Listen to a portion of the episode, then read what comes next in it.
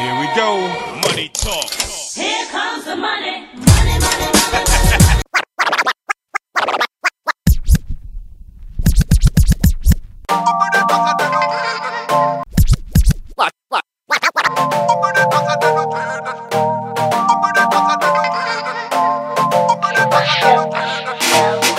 Välkommen välkomna till ett nytt superavsnitt av avbytarbänken. Vi snackar boll, där vi någorlunda har koll. Ni hörde ordet super, för det här avsnittet kommer bara handla om Super League. Men innan dess, det här är avsnitt 111, 111. Vi sitter här två ettor, ett och ett i det här 111 avsnittet. Varmt välkommen till avbytarbänken Mustafa.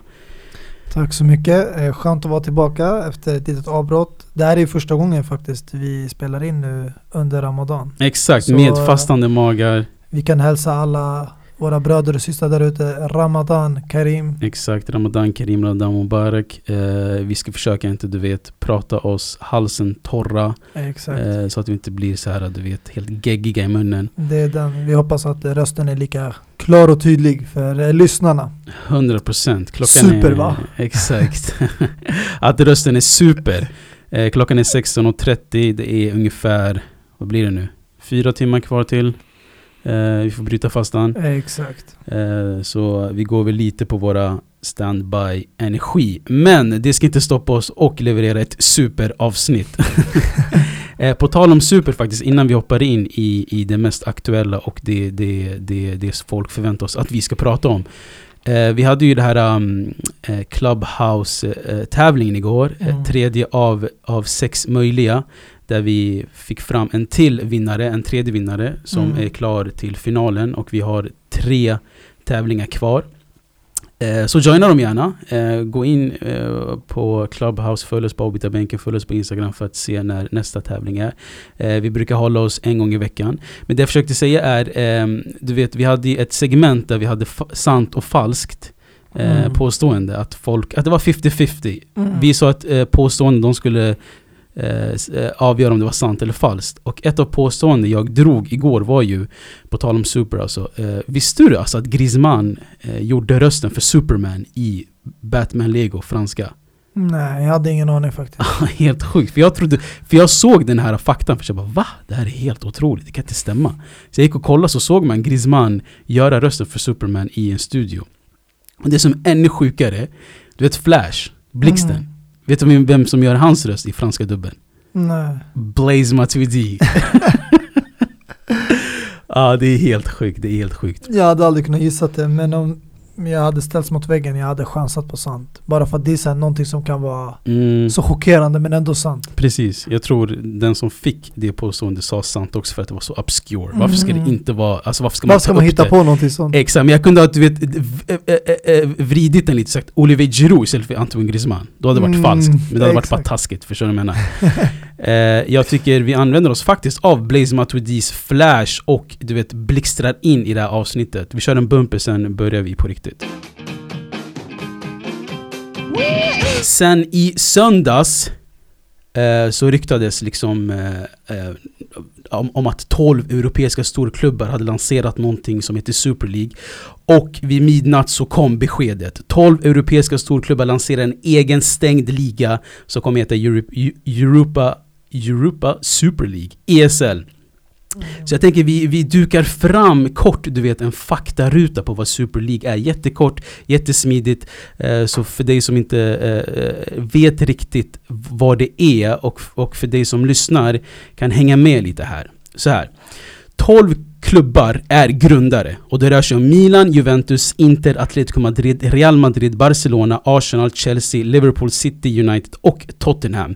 Eh, det kommer totalt vara ytterligare tre lag så att det blir 15 fasta lag och att de blir the founders av European Super League. Eh, så som ni hör så är det de, de eh, toppklubbarna från toppligorna i Europa, alltså från Italien, England och Spanien. Eh, jag rabblade upp 12 lag och det kommer ytterligare finnas tre lag till så kommer vara 15 fasta lag.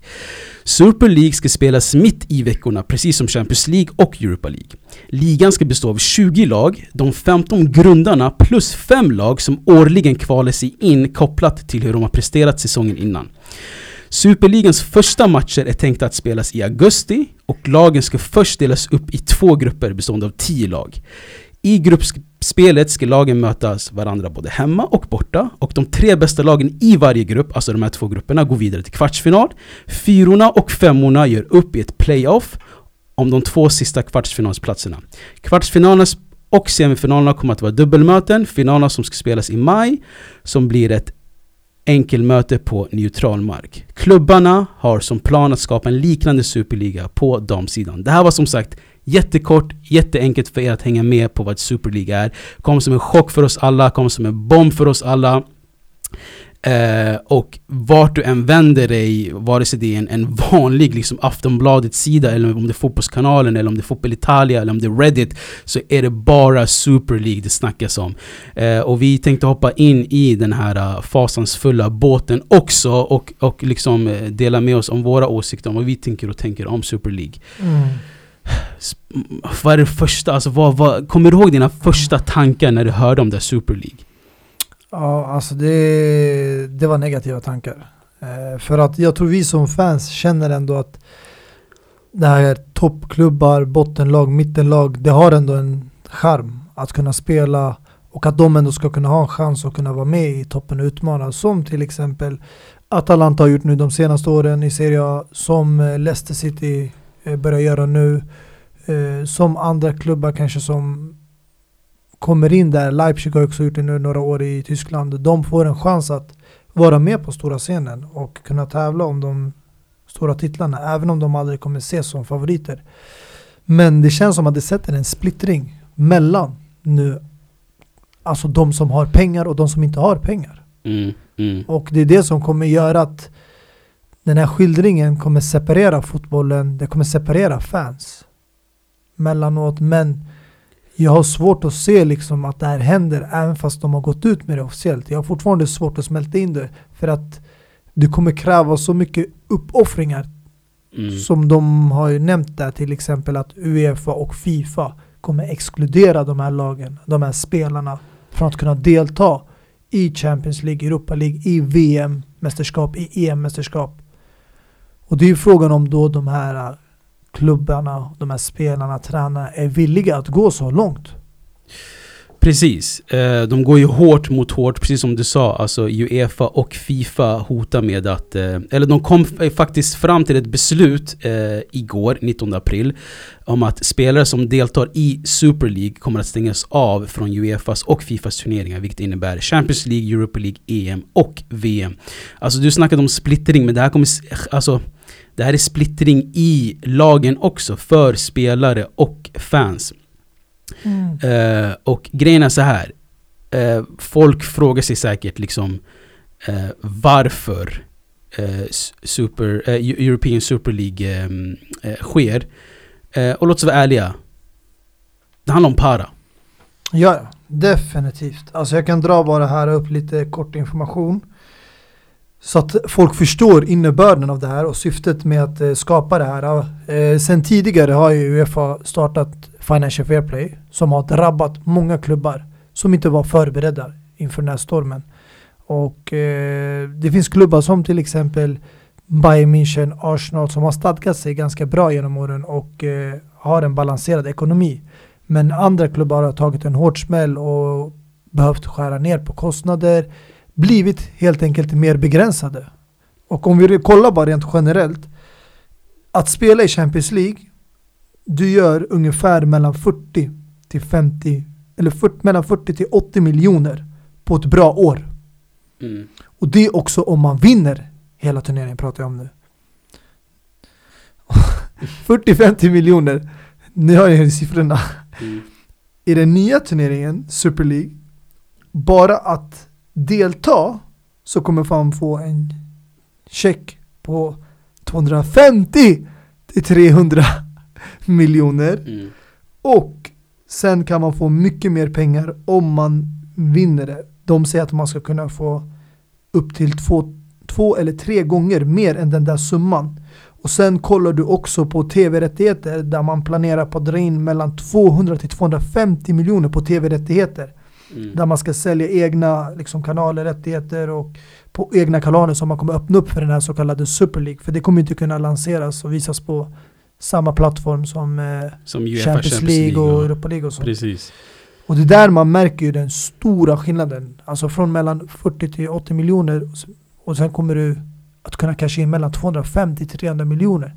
Mm. Alltså jag förstår, jag håller inte med, men jag förstår utifrån en ägare, en presidents perspektiv hur de tänker. För de här i slutändan, det här är inte de är röstade antingen till en president eller de är ägare av en klubb, de har köpt den. Det här är deras företag, deras liv. Mm. Och i slutändan, hur mycket kärlek man har för sitt företag I grund och botten byggs det på pengar Det handlar om att vara framgångsrik, Precis. att lyckas Precis. Och Alltså, då spelar pengarna roll Ja, alltså vi som supportrar, eh, för oss är det helt otroligt. Men som du säger, de här eh, ägarna och presidenterna, de ser från ett business-wise Mm. och som ett ägarskap. Det här är mitt företag. Det är som att säga att vi jobbar på ett företag och ägaren av det företaget säger "Lyssna, vet du vad? Vi ska jobba på ett helt annorlunda sätt. Vi kommer säga Mm. va? Nej, vi älskar det här. Vi har gjort det här i, i tio år. Vi måste fortsätta göra så här. Men ägarna ser från ett pengarperspektiv. Att, att, att det ska rulla in Mm. Alltså, jag, ja, alltså grejen det är så här, alltså, alltså om, om, om jag ska dra ett jättedumt exempel nu till exempel.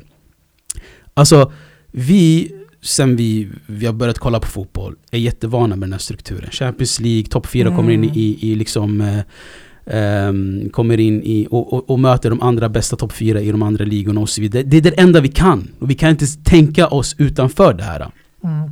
Och jag köper att man vill, du vet, eh, utmana om någonting annat, att det inte ska finnas någon monopol i fotbollen. Och att de här ägarna Uefa och Fifa inte ska ha liksom enda rättigheterna, så här är det på vårt sätt och så här är det. Och Mm. de tjänar ju liksom pengar och, och sin entertainment på de här klubbarna. De här 12 klubbarna som jag rabblade upp nu. Det är de, utan dem skulle inte Fifa eller Uefa inte funnits. Mm. Så jag förstår, som du säger, att de här ägarna känner sig liksom, eh, vad ska jag säga, som marionettdockor.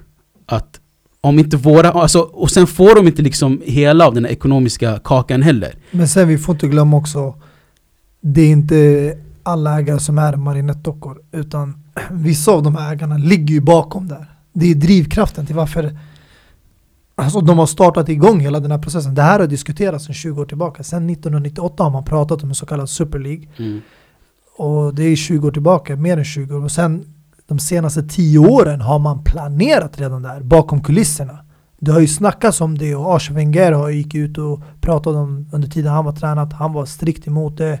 Nu för två år sedan, 2019, kommer jag ihåg att Jörgen Klopp gjorde ett liknande uttalande där han var också emot själva idén.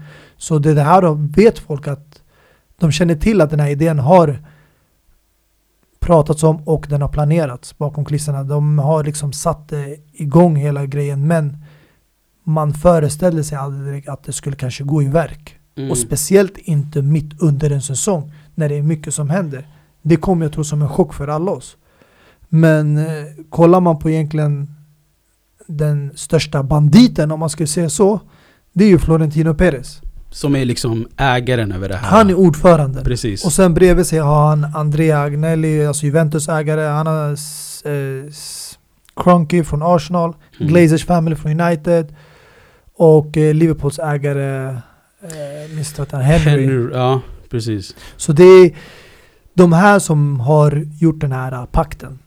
Och sen eh, har klubbar som Chelsea, City, Tottenham, Inter, Milan, eh, Barcelona, Atletico Madrid, de har anslutit. Mm. För att de känner att de kände sig ganska pressade i sånt här läge. Antingen hamnar de utanför och spelar färre stormatcher och för det mesta bara små matcher kommer det bli för att många topplag lämnar. Eller så hänger de med Mm. på den här stormen och tar sig an en, ett nytt äventyr som de ser det som. Mm. Men jag ser det inte som en alltså, grej som är positiv för att även nu om de skulle tillåtas att spela nu i VM och EM det kommer inte finnas ett syfte att de att spela ligamatch. För om du inte är med i Champions League, vad är syftet med att vinna ligan? Vad är syftet med att komma topp 4? Om du ändå inte ska vara med och delta i Champions League eller Europa League. Du ska ändå spela din Super League Mm. varje år på sidan om. Och det är alltid 15 lag som är garanterade. Precis. Det är bara fem lag utspritt i Europa som har chansen att kvala vidare. Det, det, det ger inget syfte. Det, är- alltså du, du har ingen... Alltså ett, nu när du kämpar och spelarna sliter för att vinna ligan. Det är självklart för att det är en titel som står på spel. Mm. Men det finns ju också mer man spelar för. Och det är Champions League-platserna. Hela den där alltså, delen kommer försvinna. Det är en stor motivation som tas ifrån från spelarna. De kommer inte känna sig lika motiverade att spela bara för en titel och tänka, vet du vad?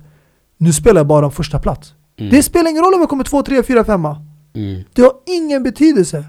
Ja, alltså, Alltså Arsenal kan chilla varje år på tionde plats. men det är det jag menar. Alltså, Och de är ändå med i Super League. nej men grejen är, du? alltså, alltså nu om, om vi ska liksom ta de här orden på allvar, alltså de här lagen som kommer vara med i Super League kommer inte vara med i sina inhemska ligor. Jo, men det är det de har hotats Ja. efter nu. För det hade inte de tagit hänsyn till att det Mm. skulle bli så. Nu, vilket jag också supportar, det är att de andra inhemska ligorna, FA, EFA, alltså de här kupperna även, EFL, Mm. eh, FA-cupen, Coppa Italia, alla de här Coppa de här, de hotar ju också att de inte ska få med i varken kuppen eller inhemska ligan. Mm. Och det kommer ju, jag tror det kommer skada både deras egna liga och det kommer skada de här topplagen som lämnar. Exakt. Alltså, Så det här känns som att det bara skadar båda parter. Alltså för mig, det, det som går emot alltså allt, det är att klubbarna, alltså ägarna, hänvisar till att ah, vi vill liksom eh, kunna garantera matcher i högsta nivå hela tiden. Men hur är det matcher i högsta nivå hela tiden om det är 15 garanterade lag år in, år ut? Är inte matcher i högsta kvalitet när Deportivo La Coruña slår ut Milan i Champions League? Är det inte högsta matchkvalitet när typ Monaco slår ut City i, en, i, en, i, en, i ett slutspel? Så för mig, grejen är det här går emot allt vad jag liksom ser i fotboll och vad, varför jag älskar fotboll. Eh, jag älskar liksom det passionen, känslan och den här lilla mot den stora, du vet David mot Goliat. Eh, och att man har möjlighet att få drömma både på individnivå och i, i, i, i, i, i, i klubblagsnivå. Så eh, alltså jag, jag förstår att man vill komma på ett nytt koncept Men eh, this is not it alltså. Det är Nej, verkligen alltså inte det är absolut inte sättet att gå tillväga. Och om vi egentligen ska utgå eh, från vad ordförande eh, Florentino Perez säger. Det är att han påstår ju att det här tillhör att unga generationen, unga fans, de känner ingen kärlek längre för små matcher. mm, ursäkta, alltså fans som är unga, den nya generationen, folk som började kolla fotboll för kanske 5, 10, 15 år sedan, de känner inte kanske samma driv som vi gör för att ey, vi ser fram emot en Everton-Tottenham-match, förstår du? mm, Vi kan se fram emot en Everton-West Ham-match, vi kan se fram emot Atalanta mot Napoli, vi kan se fram emot en Sevilla-Valencia-match.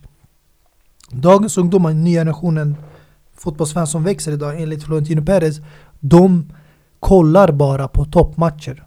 Och det är det de söker sig efter, det är där tittarsiffrorna finns. Mm. Och han tänker då istället för att man ska sitta och behöva vänta länge, mm, då och du vet under långa perioder av säsongen kolla på så kallad låg kvalitet av fotboll. Det är vad han menar på. mm. Så ska du kunna bli erbjuden att kolla på toppkvalitet fotboll. Varje Mm. vecka eller varannan vecka. Och du ska kunna njuta av sån fotboll. Men det där är inte säsong. fotboll, det där är inte Det är fotboll. det, enligt oss, vi som har varit med länge, vi känner inte så, alltså, känner, alltså samma åsikt eller samma sympati för det, det han syftar på. För att jag tänker mer att det är, den här längtan är skön. Mm. Alltså till exempel nu på förhand jag visste inte att kanske Chelsea skulle komma så långt Champions League semifinal. Eller, Mm. Alltså så långt Champions League och nu är de semifinal. Men nu längtar man till den här så kallade semifinalen mot ett topplag som Real Madrid. Mm. Men hade vi mött dem varannan vecka, jag hade inte längtat till det. Det hade blivit, ja men det är chill, jag vet. Vi har ett spelschema en säsong framöver, från augusti till maj. Ja, vi kommer möta eh, Real Madrid där, vi kommer Mm. möta Inter där och vi kommer Mm. möta Barcelona där. Ja, det blir ett garanterat spelschema, Precis. men nu när du spelar Champions League, du vet inte om du kommer ett eller två i gruppspel. Mm. Du vet inte vem du blir lottad mot. Det blir den här spänningen, du längtar. Det kommer inte vara så länge. Precis. Alltså grejen är, det mest logiska skulle ha varit, okej jag fattar att man vill se de här storklubbarna mötas lite mer kontinuerligt du vet. Mm. Att man inte behöver, ska behöva vänta sex år eller sju år på, en eventuell, på ett Men de möts också möte. i inhemska ligan. Jo jag menar typ, alltså jag menar om Real Madrid vill möta typ Chelsea eller, eller Barca vill möta United. Alltså Mm. jag fattar att folk vill se de här matcherna, men gör typ eh, ett, ett VM för, för, för de europeiska klubblagen som sker var femte år, eller var, var tredje år, eller var fjärde år. Sen förstår jag också argumentet, okej men det här kommer vara ett lall, eh, lallklubb som de här International Cup du vet som sker på somrarna. Men det, det fanns ju som förut.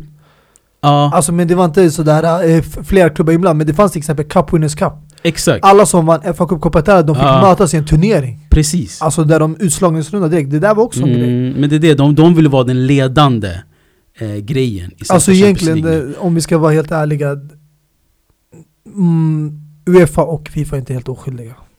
Nej. De ligger bakom det också. Det är för att de som du har nämnt också förut, att de har satt monopol på det här. Mm. Och de sätter ganska stor press på toppklubbar bara för att jämna ut det med andra klubbar. Så att de andra klubbar, som idag Atalanta, Leipzig, sådana här klubbar ska ha en chans att kunna Mm. utmana. Och då sätter de restriktioner mot toppklubbar att oavsett om du har pengar från en ägare så ska du inte kunna ta lån eller pumpa in pengar från fickan utan det ska vara från det du har tjänat in. Och det är det hela Financial Fair Play bygger på. Sponsorer, Men den är också inkomst. jättebluffig alltså. Den är kanske bluffig på sitt sätt men den... Eh, jag är för den, vet du varför? För att den tillåter andra klubbar att komma in i den här marknaden av Champions League, Mm. av den här stora scenen. För att annars har de ingen chans. Du måste kunna ge andra chans. Tänk om yani, låt oss säga nu till exempel att eh, ja, en av världens rikaste män köper en klubb Mm. en toppklubb. Alltså han kan göra dem oslagbara. Det kommer inte vara rättvist mot alla andra. Han kan köpa in alla spelare, erbjuda dem megalöner som ingen annan har råd att erbjuda. Mm. Och på så sätt kommer han vinna och dominera inhemskt och ute i Europa. Och det är därför jag förstår också eh, lite syftet bakom det. att Okej, de ligger bakom det. De har satt press och begränsat lag med sina restriktioner. Men det är för att också ge andra lag möjligheten. Annars skulle inte vi kunna få se Leipzig mot eh, PSG i Champions League semifinal förra året. Mm. Eller vi fick se Atalanta tror jag det var mot eh, Mot Real Madrid. Real Madrid. Eller eh, vi fick se Bayern München mot Lyon förra året Mm. i Champions League semifinal. Vi skulle aldrig få se sådana matcher. Mm. Jo, Ajax som alla, alltså alla verkligen älskade dem det året. Alla neutrala fans kände att det där var liksom ett skitfint år och under, ren underhållning av Ajax. mm. Det kommer vi aldrig få se igen. Vi kommer aldrig beskåda det under Super League. Precis, precis. Men grejen är, alltså, jag tror också det kommer skapas tre olika kamper. Eh, för de här liksom, alltså vad heter det, fotbollsspelarna och fansen har ju också något att säga där. För utan fans och utan själva fotbollsspelarna i synnerhet så kommer inte de här klubbarna finnas. Eh, Marcus Rashford, vadå, kommer han, om, om, om, om, lyssna, om, om vi går liksom, tar de här på orden, okej Marcus Rashford får inte spela eh, eh EM och VM för England. Mm. Tror du han kommer vilja spela för United då? Det, men det är det, alltså jag tror vissa, eller många spelare är ganska, alltså de är, känner att de tillhör klubben. De har en, klubben, alltså de har en plats i hjärtat för klubben. Det är, Men jag tror många, många har sitt, sitt liksom att representera sitt land som en mycket större grej. Inte mycket större grej, men större grej än att representera sin boyhoodklubb. mm, men om du tänker alltså vilka som ska delta i den här Super League, det är ju toppklubbarna. Lämnar man en toppklubb, du kommer inte kunna gå till en annan toppklubb. Inte om du ska stanna kvar i den inhemska ligan. Du kommer sjunka ner till West Ham, Leicester City, sån där nivå. Mm. Och du kommer inte få spela med lika bra spelare runt omkring dig. Mm. Världsklasspelare. Så det, jag tror inte spelarna vågar. De kommer yttra sig. Alltså de kommer yttra sig om de känner De att har de är inget emot val det. till slut. Alltså de, Men de, de, kommer, exakt. de kommer ju liksom eh, sitta fast i den här limbon. Sen eh, majoriteten också, jag vet inte, sitter på kanske långtidskontrakt så de är bundna. De har inget val. Mm. Det, och bryter de kontraktet, det, det, det kommer alla gå mot rättegång. Vi har redan sett nu liksom, tyvärr, det hände Mourinho. den första av dem alla. Han blev det första offret av Super League. Och jag måste säga att jag trodde aldrig jag skulle säga det här men min kärlek för honom har växt tillbaka. alltså jag trodde aldrig jag skulle förlåta honom för otrohet men Mourinho efter allt han har gjort när, med den här uh, United och Tottenham röran efter Chelsea där han har Mm. ja, byggt på sig ett annat rykte i Premier League och England så jag känner verkligen sympati för det som hände med honom. För att han verkligen stod upp för det här kärleken för fotbollen, vad, vi, vad det står för, fansen och klubben och gemenskapen. Mm. Mm. Så, det är väldigt synd alltså. Precis eh, veckan innan cupfinalen. Han har tagit Tottenham till cupfinal och han Sen, får, alltså, sen så tror jag inte heller att det är bara för det. Men det är den ju- största faktorn. Alltså jag tror de använder väl alltså det argumentet för att kunna sparka Mourinho. Eh, men låt oss vara ärliga, alltså det var bara De hade inte behövt göra det. De kunde ha använt de dåliga resultaten som ett argument. Den Mm. dåliga formen. Det hade inte behövt det, men jag tror den här nyheten var det som slog igen mest. Och han kände att liksom Tottenham idag är ändå en annan klubb än vad Tottenham var för 10-15 år sedan, 20 år Mm. sedan. Så det, de har ju kämpat sig också för att vara här. Så att de ska bara klämma in sig i Super League. Tänk dig på klubbar idag, som till Mm. exempel West Ham, Leicester City, som är i samma position som Tottenham var för 10-20 år sedan. Mm. Så det är den, jag tror han har den förståelse för dem. Jo. Och eh, det här med mindre klubbar och sånt. För att man måste ju tänka på alla fans. Jag tror inte fansen känner att det här kommer göra någon nytta för, för dem. För att det är i slutändan det är pengar som åker in i ägarens ficka. Och det är spelarna gynnas ju också av det. De kommer ju bli erbjudna större löner och eh, de kommer inte heller egentligen drabbas. Om någonting så kommer det vara något positivt för spelare och tränare också. För de kommer kunna få bättre kontrakt. men, men, handlar det, men handlar det bara om pengar i slutändan? Det Handlar är det det om, handlar om. För spelarna också, jag fattar för alltså, ägarna men inte för jo, spelarna. Men, men spelarna kommer ju också gynnas av det. det är klart de kommer gynnas alltså, av pengarmässigt.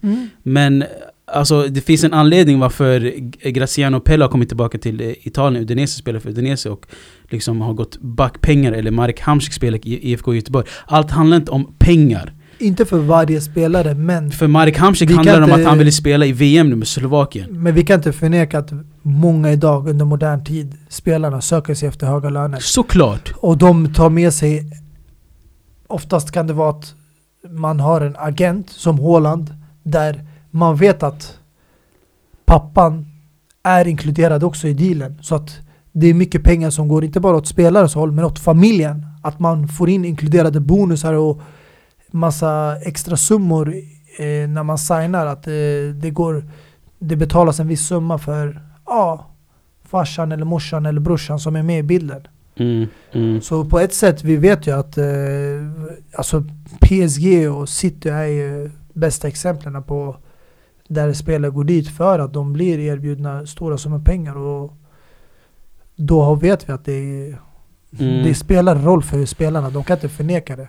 Bara för att de är emot Super League, de kan inte säga att de skiter fullständigt i pengar för att pengar kommer alltid finnas i deras tankar och när de söker sig till en klubb absolut, man kommer kolla efter ambitioner för att man vill kanske vara ett topplag bland toppspelare men när det väl kommer till kritan då sitter du där med en penna mm, och du vill veta vilka siffror som är nedskrivna på kontraktet. mm. Vad kommer jag få? Vad kommer jag få månadsvis? Vad kommer jag få bonus när jag skriver på? När jag gör mål, vinner skytteligan, titlar? Vad kommer min agent, min familj, min pappa som sitter bredvid mig här få? Mm. Ja, alltså jag tror, alltså om vi ska försöka knyta ihop den här supersäcken. Eh, Ja, det är en gigantisk säck det. Ja, nej, vi har all anledning att komma tillbaka till det här också. Och grejen är så här, det är så mycket hela tiden. Jag vet inte ens vart vi skulle börja idag. Jag vet inte om, om vi har sagt tillräckligt, om vi inte har sagt tillräckligt. Eh, vi har missat massa punkter, men det är alltså för mig, jag har satt micken i hjärtat nu. Det är mitt hjärta som pratar, så jag, jag är fett ostrukturerad idag. Jag bara snackar för att jag vet inte, så, alltså det här kan vara liksom slutet av vad vi är vana vid av fotboll. Men jag tror, om jag ska vara realistisk nu, jag tror eh, ju, alltså de här, um, du vet, eh, Florentino Perez och eh, European Super League, alltså de går in hårt för att kunna, du vet, snacka med Uefa och Fifa för ett bättre förslag och hela den grejen. Men jag tror inte det här kommer gå igenom i slutändan. Jag tror inte, Inte det kommer bli en. European Super League där det är icke-inkluderade. Alltså att du vet West Ham och, som har krigat och Aston Villa och Atalanta och alla de här du vet Roma som, som inte kommer du vet, komma i närheten med de här storlagen. De kommer inte Mm. ens träffas. Fem lag som kommer kvala in och ut. Vad är det för något? Mm. Så jag tror inte det här kommer gå igenom. Jag tror dock att eh, de här ägarna kommer få ett, vad ska jag säga, eh, alltså ett bättre kontrakt, mer pengar. Att pengarna kommer fördelas ännu bättre, eller så, och så. Ehm, för, för, för, alltså jag kan inte föreställa mig att det som är det enda unika med fotbollen, fotbollen som är världens största sport och det som gör det mest unik är det här, annars kommer det bli som NBA. Mm. Ehm, att de bästa lagen möts hela tiden och det finns ingen som åker ut och upp. Alltså, Men det verkar ju funka i USA. I USA ja! I USA Och får det i, funka. I den, I den sporten, alltså Ja. basket. Exakt, låt Folk det funka där. där. Men precis, men alltså, alltså håll er till basketen då. För jag menar, Florentino Perez tar över typ Miami Heat eller någonting som fan vet jag. Men fotbollen bror, jag ska vara helt ärlig. Mm. Alltså för mig, den har funkat så här. Ja, ja, jag håller med alltså. Ja. Det som förvånar mig egentligen mest, det är tidpunkten. När de valde att göra det här och släppa ut det här. Ni kunde ha väntat till sommaren. Efter EM-mästerskapet. Så att låt åtminstone de här spelarna få chansen att spela klart Champions League, spela klart ligorna, spela EM-mästerskapet innan den här huvudvärken tränger in i deras skallar. Och nu går de runt med de här tankarna att shit, jag kanske missar, jag kanske inte får spela EM-mästerskapet. Jag kanske Mm. inte får delta där. För nu pratas det om att de här fyra Champions League semifinalisterna, tre av dem hotas att bli diskvalificerade. ja, då är det PSG Och, och det är PSG som återstår som inte har gått med på det här Super League som Mm. kommer bli vinnarna. Och de tar hem det utan att behöva spela varken semifinal eller final. Mm. Och det är jättesynd, alltså jag förstår inte då där hur de här ägarna tänkte när de valde att gå igenom med det här vid den här tidpunkten. Alltså vänta åtminstone till slutet av sommaren när EM-mästerskapet har spelats innan den nya säsongen ska börja och börja diskutera och kanske komma i förhandlingar med Uefa och Fifa och försöka komma överens om kanske nya villkor men att göra så här mitt under det är taskigt, väldigt taskigt mot spelarna och tränarna som egentligen de flesta förutom Mourinho har varit tvungna att bara bita ihop och fortsätta spela och följa schemat och hoppas på att de inte blir diskvalificerade för det här är någonting de har kämpat för hela säsongen nu. Men alltså från ett ägarperspektiv, det här är perfekt tillfälle att komma ut med sina nyheter. Perfekt Fan, tillfälle. hur? För du, du är mellan Champions League-semifinalerna, EM, VM, alltså alla de här äh, turneringarna som Uefa och Fifa äger. Alltså om du kommer med sån här nyhet, alltså Fifa och Uefa har ingen annat, ett, alltså inget annat val än att gå in hårt mot hårt. Mm. Alltså, jag, alltså jag tror de, alltså, de sitter i ett en, en, en ehm, vad heter det, Eh, eh, ett bluffbord, pokerbord där, där Uefa och Fifa håller på att bluffa just nu. De säger, vet ni vad? Era spelare kommer inte få spela EM eller VM. Mm. Fifa och Uefa bluffar och eh, Florentino Perez och grabbarna synar deras bluff just nu. Alltså det som sägs nu eh, är ju att eh, lagen kommer bli exkluderade från Champions League och ligan nästa år. Varje Mm. spelare i Super League kommer bli bannad från VM 2022. Och alla lag kommer bli bannade från alla turneringar Uefa och Fifa. Och Uefa planerar också på att stämma varenda klubb på 50 miljarder dollar. Alltså vet du vad det innebär? För att du vet, de har ju ett kontrakt nu Ja. med Uefa och Fifa, förstår du? Ja, De är bundna till ett kontrakt när de spelar Champions League. Mm. Och de vill ju bryta ur det här kontraktet. Det här Mm. kommer gå till rättegången om inte de kommer överens om någonting Mm. och Exakt. löser det här. Och de här planerar på att stämma de här. Det här kommer ju bli, alltså det kommer råda kaos. Alltså Jag tycker alltså det räcker med det här kaoset vi har redan nu med viruset corona. Det, Vi behöver inte en annan huvudvärk. Men, ja, just den anledningen också. Alltså jag tror timingen varför de här kommer ut med den här nyheten nu är på grund av covid också. Alltså de har ju drabb- lagen har drabbats hårt av covid. Mm. Och det här är deras sätt att liksom göra nya pengar, att de inte får alltså intäkter längre. Mm. Eh, av, Men av, egentligen, eh, covid och corona har ju ingenting med Fifa och Uefa att göra. De ska inte behöva ta ansvaret för det här viruset nej som har nej, skett. nej men, men, men eh, ESL eh, har ju, eh, alltså de, de vill komma på en, en, en, en, ny, liksom ett sätt att tjäna pengar helt enkelt. Mm. Ehm, och vad tänkte jag på? Jo, det är, alltså, i, jag hörde en annan diskussion om att du vet varför det här kommer ut nu är för att täcka allt annat blunder, att allt annat som händer i världen utanför fotboll, för låt oss vara ärliga, det enda folk pratar om är European Super League överallt. Och man blundar för till exempel, vad var det jag hörde igår? Vi var, vi var i samma rum när vi hörde det där, det var en shuno från Mm, UK som sa Under eftersnacket. Ja, han sa liksom att ja, tredje världskriget är så här nära att bryta ut. Eh, viruset håller på att få nya mutationer från Indien och hela den grejen. Okej, fine, jag köper att det är att, att det, är, det här är även en, en manöver för Mm. oss att, att bara du vet det är det här de vill, att vi ska snacka om European Super League och du vet uh, chattra 24 timmar, vi ska bara snacka om det och sen skita i vad som händer i världen. Men det, alltså Ja. det, det som också chockar mig det är att den ledande personen, Florentino Perez i det hela här, Mm. alltså han representerar ändå Real Madrid. Han är president i den största klubben. Som Mm. vi alla vet vilket band de har till Champions League. det är den st- största klubben i världen, det är den mest historiska klubben som har vunnit hela 13 Champions League-titlar. Mm. De har en speciell koppling till hela den här turneringen och allting. Och att lämna det här alltså. Alltså Mm. hur, hur tänker de när fans verkligen har uppskattat det och verkligen haft med sig de här minnen från alla de här åren. Mm.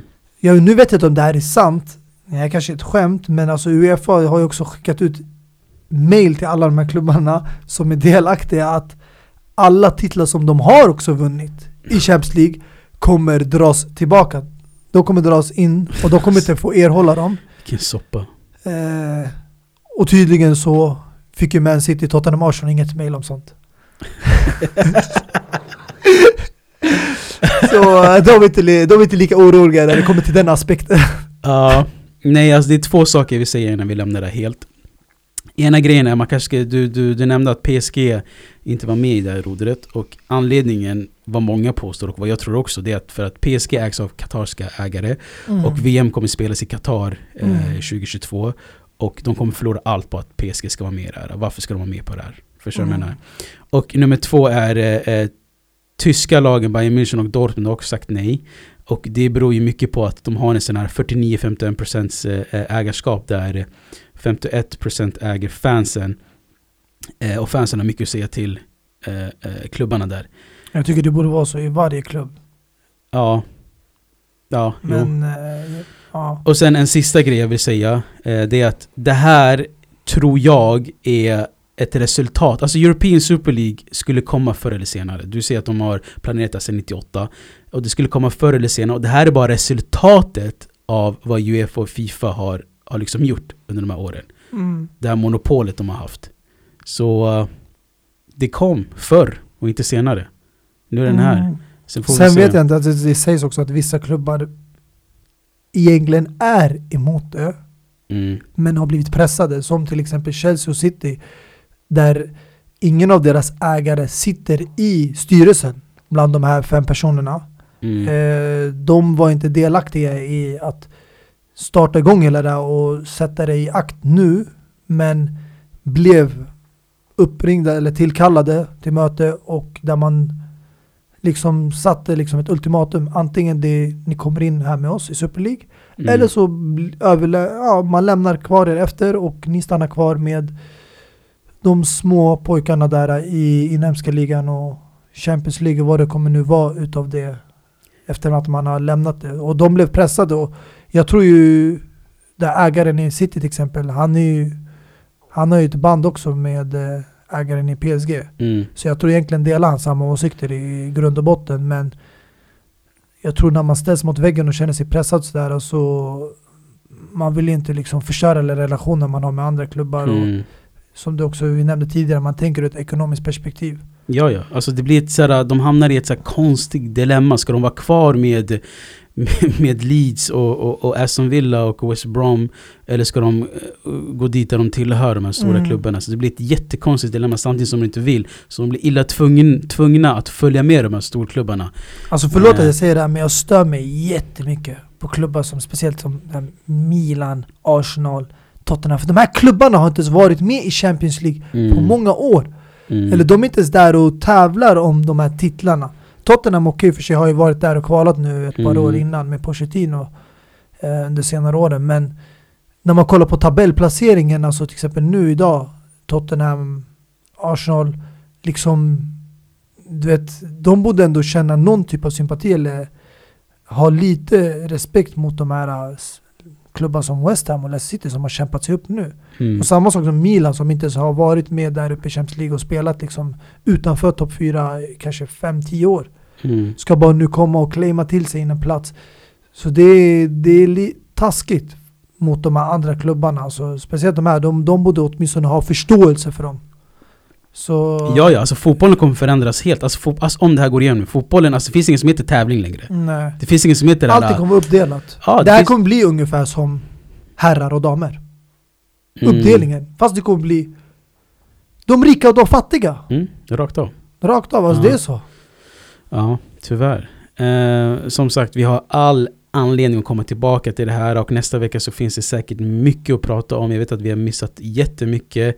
Eh, men det har varit jättemycket att ta sig, in, ta sig an Och de det här kommer senaste komma dagarna. förmodligen mycket nyheter framöver. Alltså det kommer komma flera påstående och eh, Mm, nya liksom presskonferenser så ny information kommer komma mm. ut precis. under de kommande veckorna och månaderna. Så vi kommer ta del av allt. Exakt, och hör gärna av er. Ska, vi ska försöka hitta någon som är verkligen för det här.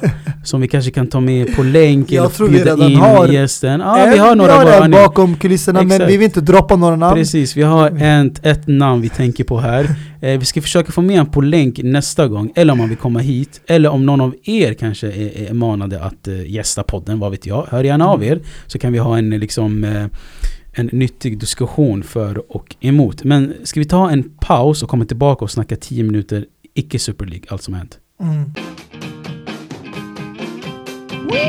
Välkommen tillbaka till sista 10 minuterna av icke Super League-snacket. Vi ska försöka hålla oss att vi inte snackar om Super League här. Eh, vi vill kort nämna, alltså med, medan det här kom eh, så eh, kom nyheten om att eh, Mourinho blev sparkad. Um, alltså som jag sa innan pausen så eh, var det väntat men uh, på grund av att han uh, liksom gick emot Super League Uh, nu, nu nämnde jag Super League men skitsamma så um, fick han sparken. Och för mig, alltså jag var nästan lika chockad vem som skulle ta över. Alltså nästan lika chockad över alla de här nyheterna att Ryan Mason ska ta över Tottenham som interim manager. Mm. Alltså för er som inte vet Ryan Mason är, 91, 29 år, eh, spelat i Tottenham, var utlånad eh, eh, ett par gånger fast fick eh, sluta fotbollen på grund av en sjukdom, om jag inte minns helt fel. Eh, och har inte kunnat spela fotboll eh, sedan 2000. Eh, Han fick ju också en livsfarlig en, skada precis. under en match som hotade hans liv. Och, jag tror det var en eh, kollision eh, där han eh, fick någon huvudskada. Så det var livshotande och eh, var ju tvungen att avbryta karriären där. Men jag tror att han återupptog den någon gång under men sen valde han att eh, lägga skorna på hyllan för hälsan. Mm. Och eh, ja, som du säger, 29 år gammal, alltså det det är, en, det är en av de största överraskningarna, jag måste säga. Uh. För att liksom, jag känner inte att han bär på någon erfarenhet när det kommer till eh, tränarkarriären. Nej, precis. Alltså, jag läste att han har tränat U18s Tottenham lite här och var. Men ingen liksom eh, tränare så att kunna träna the top six nu som Tottenham är med i. eh, så jättesjukt att Ryan Mason tar över Tottenham. Men sen så har de ingenting eh, vi, att vinna eller förlora. Mm. Dock så är de i finalen i Carabao Cup mot City. Det kan vara gynnande bara rent av, alltså av ett skäl att han har ett speciellt band med spelarna där. Han känner många Ja. från grunden och eh, de har den här uh, samhörigheten att de kan liksom bara ha någon före detta spelare som står där och supporta och visa sin stöd från sidlinjen. Alltså, vilket band har du till klubben och spelarna om du har varit utlånad en, två, tre, fyra, fem, sex, sju, åtta gånger? Eh, och spelat 53 matcher för Tottenham och avslutat din karriär i Hull City. Eh, jag vet inte, Ryan Mason kommer inte, du vet, han, he doesn't come across as a, vad säger man, den här uh, ledande spelaren, den här ledande tränaren. Eh, jag vet inte. Men sen så snackas det om att eh, den tänkbara, alltså eventuella permanenta ersättaren ska bli Julian Nagelsmann. Eh, det kan jag se något. Mm. Verkligen alltså. Det är ju frågan om han är villig att komma nu efter det som har hänt. Ja, precis. För att, ja. Jag, jag satt och tänkte egentligen på en annan trä som jag hade i åtanke och det var Massimo Allegri. Mm. Som jag vet har varit utan jobb ett bra tag och är en väldigt bra och erfaren tränare. Som har eh, mycket i bagaget att ge Ja, och tillföra. Alltså det, det har ändå snackats om att han har ju pluggat engelska nu, studerat språket. hur länge att- behöver han plugga engelska då? Pep. Guardiola tog det ett år att plugga tyska så var han klar Mm. för Bayern Men jag tror det är mer att han eh, kanske ville ha ett sabbatsår också. Och ville Mm. ta lite vila från all fotbollen och all hets. Och nu med de här nyhet, alltså nyheterna som har kommit ut. ja, Jag tror inte han vill eh, kliva in i den här smeten. jag tror han eh, håller sig där utanför på sidan om. Så med all respekt. Men jag hoppas vi får se honom tillbaka igen eh, i någon toppklubb. Precis. Är eh, liksom Mourinho körd nu? Kommer vi få se han i någon... eh, Om jag ska vara ärlig, jag känner att när det kommer till klubbkarriären mm, så jag tror Mourinho kommer ta en paus därifrån. Och eh, om vi får se honom igen så känner jag att det kommer bli på landslagsnivå. Och det hoppas jag också. För att jag tror att han har eh, han har växt ifrån det här med klubblag. mm. Eller rättare sagt fotbollen i klubblagsnivå har växt ifrån Mourinho och hans sätt att tänka och så. Men jag tror han skulle kunna vara en bra landslagstränare för att där handlar det mer om liksom gruppspel, utslagningsfas. Mm, mm. Det är inte mer ligaspel och sånt.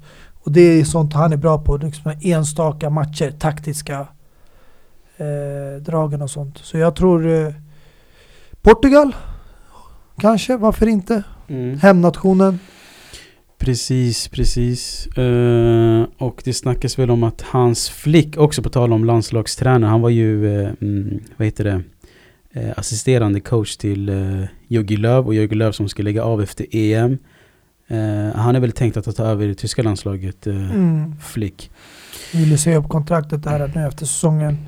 Jag tycker med, inte med all rätt, men jag tycker han har ändå lyckats bra på sin korta tid i Bayern München. Tog över som interim, Mm. mm. tillfällig, vann typ allt, trippen Mm. som det går att vinna. Och nu åkte de ut Champions League, men det verkar som att de kommer vinna ligan och kanske förmodligen kuppen så eh, känns som att han har gjort sitt. Eh, och om han vill ta över landslagsnivå, jag förstår det. Det känns som att tyska tränare har alltid ett annat band till du vet, det här, tyska lag, Mm. inhemska. De kommer inte så mycket utanför Tyskland. Mm. Eh, nu för sig har vi Jörgen Klopp och Tuchel i Premier League, men Ja, det krävs mycket för att slita dem ifrån från eh, de tyska banden.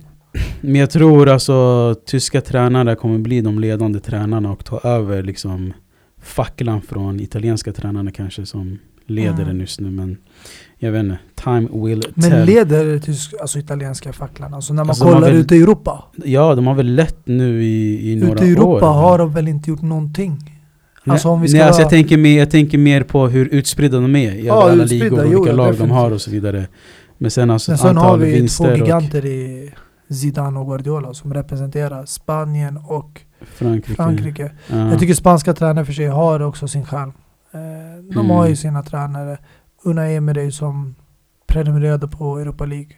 Guardiola mm, som har gjort sin runda nu i Europa. Och eh, Luis Enrique, han är väl tillbaka i landslaget. Precis, precis. Mm. Tog en liten paus där så kom han tillbaka. Eh, jo, jag tänker också kort, alltså jag vet inte, allt för mig i alla fall känns det jättedeppigt att snacka vanlig fotboll när man har Super Mm. League som håller på du vet, Jag lovar, spökar blev, där bak hela tiden. jag blev törstig. Jag ville inte bli törstig idag. men eh, nu börjar jag bli jättetorr i munnen. Ja. Supertorr. Exakt. Nej, vi har ju ett, ett, vad vi hoppas på, ett stundande semifinaler i Champions League tisdag och onsdag. Mm. Eh, och vad tror du kort om, det är Chelsea mot Real Madrid och PSG mot Manchester City. Mm. Kort, vad tror du om eh, de här matcherna? Rent generellt, jag tror PSG ses som favoriter. Eh, de har ju fortfarande inte tagit en titel. Det har inte City heller för sig, men jag känner att PSG bär på mer erfarenhet, Både som klubb och eh, spelarna mellan varandra. Det enda som City har övertaget i när det kommer till eh, de här två mötena är ju tränaren Mm. Guardiola som har erfarenhet av att ha vunnit den här turneringen två gånger Mm. med eh, Barcelona. Eh, men eh, jag ser PSG som favoriter. De känns väldigt sugna på att ta hem det efter förra årets finalförlust. Mm. Och ja, de, de verkar mer hungriga och jag vet inte, jag känner att City hade turen med sig mot Dortmund. De fick väldigt, eh, ett par do- de beslut med sig. Det kunde ha slutat eh, 2-2 på hemmaplan. Eh, så ja, jag ser PSG där som favoriter. Real-Chelsea, det sjuka är nog att när man på tal om det här med Super League, det är att Chelsea och Real har inte ställts mot varandra under hela 2000-talet. Det är så va? Varken i Champions League eller Europa League. Det är sjukt. Eh, Det enda gången de ställdes mot varandra var liksom under pre-season, under försäsongsmatcher har de. Men annars har de aldrig ställts mot varandra ute i Europa. De har varit Aldrig på, stött på varandra, alltid varit på olika sidor av... Eh, Ah, olika sidor skulle jag inte säga, de har varit på olika nivåer av Champions League. Chelsea har aldrig hunnit komma till de här uh, utslagningsfaserna där Real Madrid alltid är där. Så ah, olika sidor, inte horisontellt i alla fall. Men- man, man kan se det på olika sätt, men eh, mötet däremot ser man jätte fram emot. Det är en, eh, ja, det kommer bli en fin comeback för Courtois och Hazard. Eh, jag Alltså, tror Hazard inte kommer känna av det så mycket för att han har ju liksom varit skadad i princip hela säsongen. Så han kommer Mm. förmodligen sitta på läktaren. Courtois däremot ska vara glad att det inte kommer finnas fans i arenan för då kommer de hade de Mm. hade nog behandlat honom illa på grund av eh, sättet som han lämnade klubben på. Precis. Men eh, ändå, det blir intressant att möta sådär. Jag, jag tror det är väldigt två starka lag. Jag ser på förhand Real Madrid som favoriter. De Mm. har en erfaren tränare nu som har tagit hem den här titeln tre år och har eh, enligt mig idag det bästa mittfältet i hela världen. Toni Kroos, Modric och Casemiro. Alltså Mm. fantastiskt mittfält. Sjuk trio. Man pratar om trio där fram. Jag pratar om trio i mitten. Exakt, och trion i mitten är alltså ännu starkare än trion där uppe för de är länken mellan försvaret Mm. och anfallet. Helt rätt. Och det är det, alltså jag, tror det enda som kan rädda Chelsea eller ta sig vidare från det här mötet det är att få stopp på den här mittfältsgänget eh, gänget, eller vad man ska säga. Och jag tror Chelsea har Mm. liksom vaccinet mot det där viruset. Och det vaccinet är en Golo Kanté. Alltså jag tror det är, den, det är Chelseas enda chans att kunna sätta stopp för det där mittfältet, trion och om de ska ha någon chans att kunna vinna mot Real Madrid. Sen Mm. återstår att se liksom, du vet, eh, ibland har man en bra dag, ibland har man en dålig dag på jobbet. Så allt kan ju hända under de här två mötena. Ja, oh ja. Alltså för mig finalen är City PSG om jag ska vara helt ärlig. Sen bryr jag mig inte om vem som vinner den. För City och PSG är två lag som verkligen inte vill tappa det här. City förlorade kuppen mot, ehm, mot Chelsea och, och gick miste om att vinna den här quadruplen, den här uh, otroliga, Historiska. exakt historiska quadruplen som Pep Guardiola verkligen gick miste om när de förlorade 1-0 mot eh, Chelsea. Så jag tror absolut inte att han vill missa den här chansen att, att vinna trippen i alla fall. Den här gången så är det inte den här inhemska trippen som han vann för två år sedan. Eh, och eh, jag och PSG vill inte släppa det heller för de var så nära att vinna den förra året men snubblade liksom på mållinjen eh, där liksom eh, Kingsley Coman eh, stod för showen och enda målet i den matchen. Så jag tror inte, det, alltså det här kommer bli en match där, alltså oh, förstår du vad jag menar? Alltså, ingen vill tappa det här. Eh, så det skulle vara jättefint att se dem båda på, på motsatta sidor och sen mötas i final. Det skulle vara någonting. Men det, det är faktiskt bra semifinaler vi har sett fram emot. Om de spelar så att säga. Exakt, om det blir av nu. Om det blir Annars, grattis till PSG. av. Exakt. Eh, ja, med det sagt då. Vi har massa midweek-matcher as we speak. Eh, Hela veckan nästan. Ehm, och det är mycket som ska avgöras i de här ligorna fortfarande. Det är sådär 7-8 matcher kvar i varje liga. Eh, så inget är vunnet för någon. Nej. Speciellt i La Liga, den mest spännande ligan just nu. Eh, Franska ligan också måste jag säga där. Har det Ja. varit eh, ovanligt jämnt. När Lille står som ja, etta nu längst upp på toppen.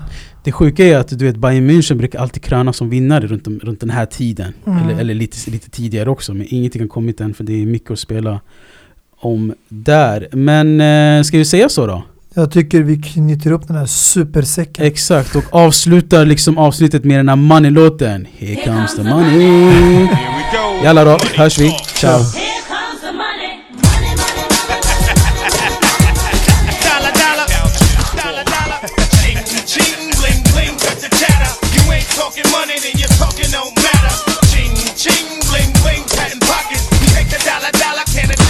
Stop it? Uh, here comes the new kid on the block. Hold all your bets, here's where the buck stops. See, first of all, I'm stepping out on my own. About time I elevated to claim my own throne. Success in my blood, call it homegrown. Pores reek testosterone. Power and money got me crazy cocky. No longer need you, Poppy. I know you're mad because you can't stop me. And if you wonder how this player done scooped your honey, I think she smell my cologne. It's called brand new money. Making major moves, man, ain't a damn thing funny. Pimpin' hood rats, the Playboy bunnies. They see the. They see it, they see it. Say what, say what, say what? Money. Double dollar dollar and roll with Val Fitty. Like to go out smelling fresh and looking